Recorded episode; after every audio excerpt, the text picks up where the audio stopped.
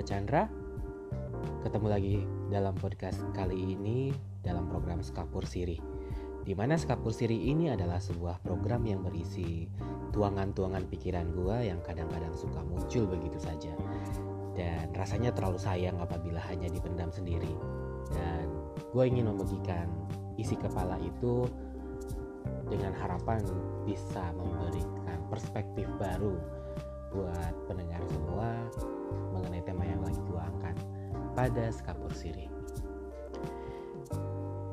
Dan tema malam ini yang ingin gue angkat adalah tentang grup WhatsApp. Sebelumnya, gue yakin banget semua pendengar di sini pasti pada pakai WhatsApp. Ya, mungkin masih ada yang pakai BBM atau misalnya Line, WeChat. Tapi WhatsApp sekarang adalah salah satu platform chatting terbesar yang digunakan di Indonesia. Sehingga gue yakin sebagian besar di sini pasti pada pakai WhatsApp. Dan di mana pasti yang punya WhatsApp pasti mau nggak mau punya grup WhatsApp. Kalau gue buka lagi nih di grup uh, di aplikasi WhatsApp gue, gue punya sebentar gue hitung dulu. 52 grup WhatsApp. Yep, 52 grup WhatsApp sebanyak itu. Karena grup WhatsApp itu bervariasi mulai dari untuk keperluan uh, kantor. Dari kantor aja masing-masing project ada grup WhatsAppnya sendiri. Kemudian uh, di divisi gue punya grup WhatsApp sendiri lalu kalau misalnya dengan cross project WhatsApp lagi dan lain-lain. Kemudian ada untuk keperluan dengan teman-teman gue sendiri. Uh, masing-masing circle punya grup WhatsApp sendiri. Misalnya uh, karena gue sering pindah-pindah kantor circle dari kantor A punya grup WhatsApp. Kemudian circle pecahan kantor B punya grup WhatsApp. Kemudian uh, teman-teman dari circle A, circle A, circle B, circle C masing-masing punya grup WhatsApp sendiri karena itulah cara kita untuk bisa mengobrol. Karena ya kita sibuk ya kalau misalnya harus dipaksain ketemu misalnya seminggu sekali aja susah banget karena tersebar di penjuru Jakarta mulai dari Tanjung Priok hingga ke Kemang. Jauh banget kan? Lalu gue juga tidak terhindarkan dari yang namanya grup WhatsApp keluarga. Grup WhatsApp keluarga gue saat ini uh, gue punya lebih dari 10 grup WhatsApp keluarga. Yap, sebanyak itu. Karena uh, grup WhatsApp gua terbagi dari keluarganya bokap gua, kemudian keluarga inti gua yang terdiri dari emak gua, ada kakak gua, adik gua, kemudian keluarganya emak juga juga di mana masing-masing emak dan bapak gua itu kan punya uh, uh, punya emak dan bapak lagi. Jadi keluarga neneknya dari uh, emak gue punya grup WhatsApp keluarga kakeknya dari bapak gue juga punya grup WhatsApp yap sebanyak itu jadi emang grup WhatsApp itu adalah kalau misalnya gue membiarkan medianya auto download pasti uh, kalau di di ranking penggunaan data terbesar gue pasti akan habis sama download media-media dari grup WhatsApp tersebut. Kemudian uh, dari dari berapa tadi ya? 50 grup WhatsAppan tersebut ternyata kalau misalnya gue kerucutkan hanya 15an grup yang benar-benar aktif gitu. Yang recent chatnya itu ada kurang dari tiga hari terakhir. Dan dari 15 grup itu yang gue benar-benar sering ikutan nimbrung kurang dari 5 grup. Hanya grup keluarga inti grup kerjaan dan project-project sama grup teman-teman deket banget. Dan sisanya ada grup yang sudah terkubur uh, masih ada tapi uh, sudah nggak ada percakapan apa-apa di dalamnya. Kemudian masih rame tapi gue nggak ikut di sana dan bahkan gue mute. Seperti itu. Dan dari semuanya itu yang menarik adalah ada cerita di dalamnya gitu. Ada dua grup nih grup WhatsApp keluarga. Pertama grup A adalah grup WhatsApp yang terbentuk dari coba gue bingung menerjemahkannya seperti mana ya. Keluarga neneknya nyokap gue. Dari pihak kotanya nyokap gue gue bingung karena saking berakar-akarnya keluarga gue jadi itu ada grup bahkan dari uh, 90% dari 80 anggota di grup WhatsApp tersebut gak ada yang gue kenal. Mungkin kalau misalnya gue ketemu langsung mungkin pernah melihat di mana gitu mukanya. Tapi personally sepertinya gue nggak pernah ngobrol sama mereka gitu yang misalnya gue datang gitu kemudian dikenalin eh ini si Chandra anaknya si ini ini ini ini ini, ini. paling cuma semesem uh, masalahnya adalah uh, grup itu aktif banget. Sehari itu dari so pagi sampai malam itu ada aja yang dibahas. Uh, tetapi sayangnya kadang-kadang suka ada yang nyelip-nyelip gitu. Uh, yang tiba-tiba dia kan ada ada beberapa orang di sana yang ceritanya agak agak agak gue nggak bilang dia gimana ya aku salah salah takut salah ngomong? Mungkin dia sense kepeduliannya itu sangat tinggi kemudian dia sangat ingin berbagi suka banget berbagi sampai-sampai ketika orang ini dapat satu kabar kemudian menurut dia wow kabarnya keren sekali langsung deh serta merta dikirimkan ke grup WhatsApp itu. Ya mending kalau memang isinya menarik ya atau berguna. Lah ini gitu isinya itu adalah tentang hal-hal yang bahkan gue sendiri aja enak gitu ya. Karena sering banget dia ngirimin kabar-kabar yang gak tentu jelas kebenarannya asal copy paste dan dikirim aja. Tapi ini masih oke okay lah karena beberapa kali akhirnya karena gue gerah dan jengah akhirnya gue konfront juga ketika dia ngirimin berita yang aneh lagi eh, gue langsung kontra aja e, e, om kayaknya ini nggak bener deh. Soalnya uh, aku google muncul loh ini ternyata ini beritanya nggak bener. Kemudian uh, dia masih oh ya mohon maaf ya. Cuma gitu-gitu masih oke. Okay. kemudian ada satu grup lagi. Nah, grup ini kalau tadi dari pihak nyokap sekarang muncul dari pihak bokap.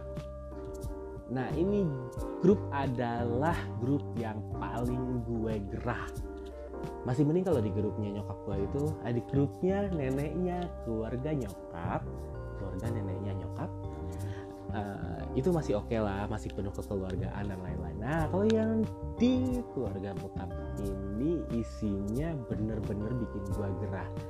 Karena itu adalah kombinasi triple hit. Satu isinya adalah propaganda politik. Yang kedua adalah hoax yang ketiga adalah bahasa basi busuk. Kenapa sih yang propaganda politik? You know lah bulan depan itu adalah menjelang pilpres. Ya isinya itu isi chatting yang sangat aktif dari pagi sampai malam itu mainly isinya tentang propaganda politik yang membicarakan kehebatan salah satu capres dan membicarakan keburukan capres yang lainnya dan diaminkan oleh uh, 90% lebih anggota grup itu gitu. Kemudian yang kedua adalah isinya hoax, betul sekali hoax karena entah kenapa banyak sekali bumbu-bumbu propaganda politik ini diberikan pemanis dan penyedap rasa hoax gitu. Karena seperti misalnya uh, si capres A ini sebegitu kerennya sampai pada saat dia ngomong uh, cuaca yang tadinya cerah bisa langsung menjadi badai atau seperti apa gitu. Sebegitu kencangnya hoax tersebut gitu dan basa basi iya betul sekali. In real life gua paling males sebenarnya ngumpul sama mereka. Bahkan kalau bisa nggak usah ketemuan juga nggak ngasih impact yang signifikan negatif ke gue impact yang negatif dan signifikan ke gue karena ya itu gue nggak suka cara basa basinya yang menurut mereka mungkin cara basa basi itu adalah salah satu ekspresi kepedulian. Tapi gue yang mendapatkan basa basi itu sih sudah tidak menerjemahkan itu sebagai kepedulian. Contohnya adalah kayak uh, Chan kok nggak nikah nikah? Ayo dong cepet nikah. Om kan udah tua pengen ngeliat uh, Chandra nikah sebelum om meninggal. Ya mungkin kalau misalnya hal tersebut diucapkan ke gua let's say 6 atau 8 tahun yang lalu gue bakal uh, menganggap itu adalah suatu bahasa basi yang hangat. Oh iya makasih om. Terima kasih atas perhatiannya. Tapi come on diucapkan berulang-ulang sampai sekarang dan penerjemahan gue udah berubah. Bahasa basi itu beneran sekarang udah sebegitu basinya hingga busuk. Udah mulai ofensif sih ke gue udah mulai mikir ya udah sih kalau misalnya toh gue nggak kawin kemudian lu keburu mati juga. Ya so what? Gitu. Gitu. Lagi pula gue juga nggak mau kawin cuma karena gue pengen kawin sebelum lu mati gitu. Kemudian mengorbankan satu dua tiga hal yang lain gitu. Emang bahasa bahasa itu terlampau ter, ter, terlampau sangat busuknya sampai-sampai itu jadi ofensif. Dan mungkin perlakuan gue juga terhadap grup ini berbeda karena kalau misalnya grup yang lain gue masih agak sopan. Jadi kayak uh, ketika si om itu si om di grup satu uh, ngirimin hoax gue masih bisa kayak dengan sopan om mohon maaf mohon di itu dulu dilihat dulu dicek dari dicek dulu. Nah kalau yang ini tuh bener-bener gitu karena udah terlampau sangat seringnya dan si propaganda politiknya juga udah menyebalkan banget gue udah going savage banget kalau di grup yang ini. Sampai di tahap toh gue udah jarang ketemu dan toh dia juga walaupun itu adalah keluarga deket gue harusnya karena isi dari keluarga eh, isi dari WhatsApp itu adalah isinya om tertua di keluarga gue Amin itu kayak saudara tertuanya bokap gue jadi bokap gue itu punya 10 saudara gitu ya. Ya uh, nenek gue dulu punya 11 anak gitu bokap gue anak ketiga. Kemudian yang paling ribut di grup itu adalah anak satu. Jadi gue bener-bener berhadapan sama orang tertua di grup itu gitu. Dan di sana juga gue mulai ofensif jadinya karena ketika mungkin awal-awal gue juga bersikap seperti itu kayak ketika si om tertua itu bilang uh, forward message tentang jangan lakukan A karena B gitu. Kemudian gue googling ternyata mana ada itu itu cuma mitos atau misalnya cuma hoax. Uh, awal-awalnya mungkin gue masih kayak uh, om maaf mohon dicek lagi. Sepertinya itu beritanya nggak nggak bener gitu kemudian karena itu berulang terjadi terjadi terjadi lagi gitu ya. Gue udah mulai kesel banget terus kemudian savage gue itu mulai kayak bilang uh, gue screenshot message-nya si om tersebut kemudian gue copy paste tentang UU ITE yang uh, bilang bahwa dengan screenshot ini udah bisa menjebloskan elu loh ke penjara jadi tolong hati-hati. Kemudian sampai-sampai ke gue jadi sarkas banget itu masuk grup itu gitu jadi udah kayak uh, persetan dengan kekeluargaan yang penting itu grup udah bikin gue nggak nyaman dan gue harus melawan. Begitu.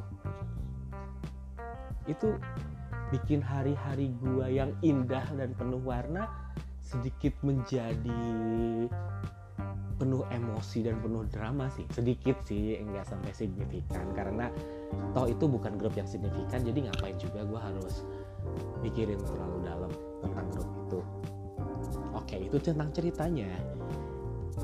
Kemudian menurut gue ya sebenarnya punya grup WhatsApp itu punya pros dan con sendiri sih. Prosnya adalah satu bisa mempererat komunikasi dan silaturahmi. Tentu saja, ya seperti gue sendiri gitu. gue kalau nggak ada grup WhatsApp itu ketemu sama mereka atau berkomunikasi sama mereka ya paling cuma lebaran literally cuma lebaran karena gue nggak sesosial itu sih gue nggak sekekeluargaan itu gitu.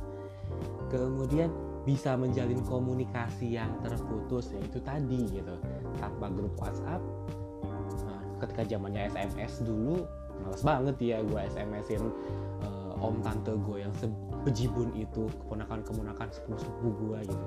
Dan dengan grup WhatsApp itu ya bisa menjalin komunikasi. Jadi ketika gue ketemu pada saat lebaran ya nggak awkward awkward banget gitu nggak lupa lupa banget gitu. Uh, mungkin bisa tahu bahwa oh ini yang kemarin sakit ya gitu. Tahu dari mana dia sakit? Ya dari grup WhatsApp. Kemudian bisa update kabar-kabar penting lebih cepat dan lebih uh, mudah tersampaikan. Dan ya pastinya kan kita bisa tahu misalnya uh, istrinya Om Anu dirawat di rumah sakit tanpa menunggu sehari atau dua hari kayak zaman kartu pos atau telegram ya. Sekarang kan udah zaman grup WhatsApp ya. Misalnya jam 8 istrinya Om Anu masuk rumah sakit jam 8 lebih 5 semua keluarga udah bisa tahu bahwa istrinya Om Anu masuk rumah sakit terima kasih kepada grup WhatsApp. Tetapi dibalik semua prosnya itu juga ada konsnya juga. Pertama kons yang nyebelin adalah grup WhatsApp itu terutama grup WhatsApp keluarga sih ini ya bisa menjadi sarana basa-basi nomor wahid. Dulu ya kalau misalnya zaman gak ada WhatsApp grup ditanya kapan kawin uh, pacarnya siapa? Kok nggak jadi PNS itu paling ditanya cuma setahun sekali pada saat ketemuan keluarga besar. Dan sekarang zamannya grup WhatsApp. Pertanyaan itu frekuensinya jadi semakin sering. Mulai gue pakai jawaban kontran A kemudian jawaban diplomasi B sampai-sampai yang jawaban paling sarkastik kayak ya uh, kenapa nggak yang kawin? Emang emangnya bakal aku undang? Atau misalnya ketika ada yang kawin mungkin Sabtu atau Minggu kayak gitu lucu-lucu sarkas gitu gitu. Dan kemudian konsnya punya grup WhatsApp itu grup WhatsApp itu adalah sarana wacana yang cuma akan menjadi rencana belaka.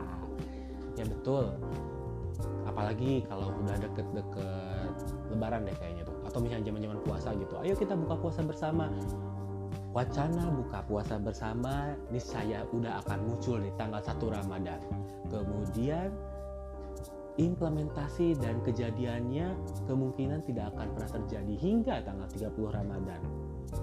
Ya, benar, cuma wacana rencana kayak yuk ketemuan, ketemuan, ketemuan. Ketemuannya mentah kapan? Ya, walaupun benar ada ketemuan, presentasinya berapa sih? Lebihkah dari 20%? Ah, I don't think so Kemudian kons yang ketiga adalah grup WhatsApp itu menjadi sarana penyebaran berita hoax atau enggak guna.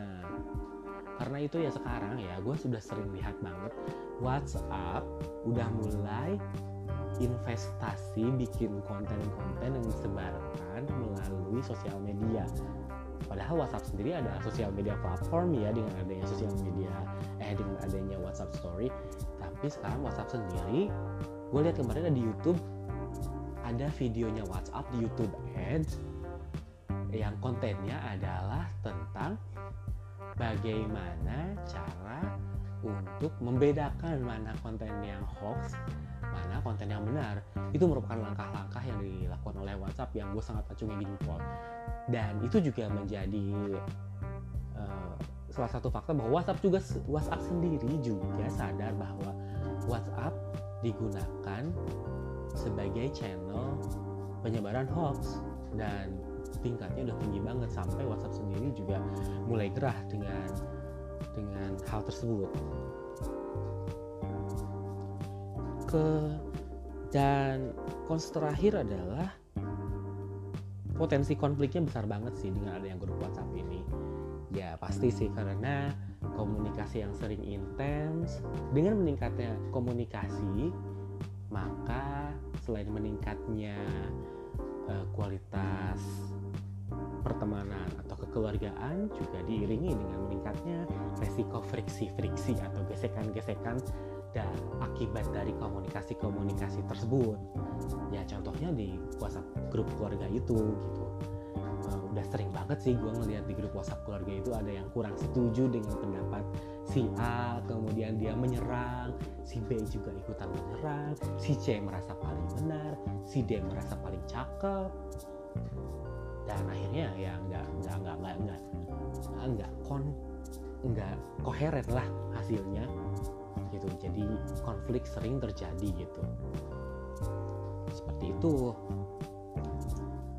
Nah dari pros dan cons tersebut sih menurut gua nih sekapur sendiri dari gua ada yang harus dilakukan demi untuk mendapatkan ekosistem ke WhatsAppan yang sehat.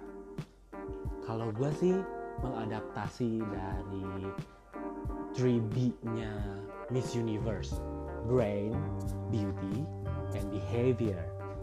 Apaan tuh brand name beauty and behavior itu? Satu brain. Coy coy coy. Tetap gunakan otak dan logika dalam grup WhatsApp. Jadi semua pesan yang masuk harus tetap dicerna harus tetap dipilah dipilih. Jangan cuma mengandalkan emosi tapi otak dan logika harus dipakai juga. Jadi kalau misalnya dapat satu pesan atau misalnya serentetan pesan-pesan ya jangan ditelan mentah-mentah. Uh, dicek dulu diri cek dulu. Hari ini kan gampang tuh udah udah ada Google udah ada Yahoo. Bing juga bisa dipakai. Kemudian kedua adalah beauty. Ya ya ya I know kalau misalnya WhatsApp itu adalah komunikasi yang mainly melalui tulisan. Beauty di sini adalah uh, berpenampilan yang baik. Penampilan kata-katanya ya diatur. Harus tetap cantik dan main cantik. Jaga bahasa jaga tutur kata demi untuk menghindari konflik dan mendapatkan peace of mind. Karena kan kalau udah konflik ya makin banyak pikiran jadinya beban daripada beban pikiran udahlah konflik buang-buang jauh-jauh lah gitu. Kemudian yang terakhir ya dalam what to do dalam grup WhatsApp adalah behavior. Behave. Behave itu kan bukan berarti angguk-angguk sopan aja tapi juga kita harus stand up pada saat ada eh, berita-berita uh, yang harus kita klarifikasi atau luruskan. Karena menurut gua ya kenapa hoax bisa tersebar adalah bukan karena uh, bukan karena ketidaktahuan, tapi lebih ke ketidakpedulian. Jadi banyaknya pembiaran-pembiaran yang dilakukan terhadap hoax-hoax yang banyak sekali beredar ya menyebabkan si hoax itu yang semakin merajalela gitu karena itu yang the least I can do untuk bisa memerangi hoax atau misalnya menghambat penyebaran hoax tersebut adalah ya I have to stand up. Gue harus speak up gitu. Kalau misalnya gue tahu kalau itu nggak benar daripada gue pendam karena oh aku nggak enak nih. Itu kan om tertuaku itu nggak benar juga kan gitu. Karena itu ya gue harus berkontribusi yang positif. Kontribusi yang positif juga dong eh, dengan cara ya memerangi hoax tersebut gitu. Namun ya tetap harus behave. Artinya ya harus tetap menempatkan diri pada posisi yang selayaknya ketika gue berhadapan dengan om yang paling tua ya nggak mungkin dong gue berapi-api gue lu gue lu. Tetap harus hormat. Bagaimanapun juga uh, beliau adalah om yang pantas untuk mendapatkan respect gue gitu. Karena gimana pun juga asas keluarga tetap harus diterapkan dengan uh, penuh respect. Itulah sekapur sirik dari gua mengenai lika-liku dinamikanya grup WhatsApp.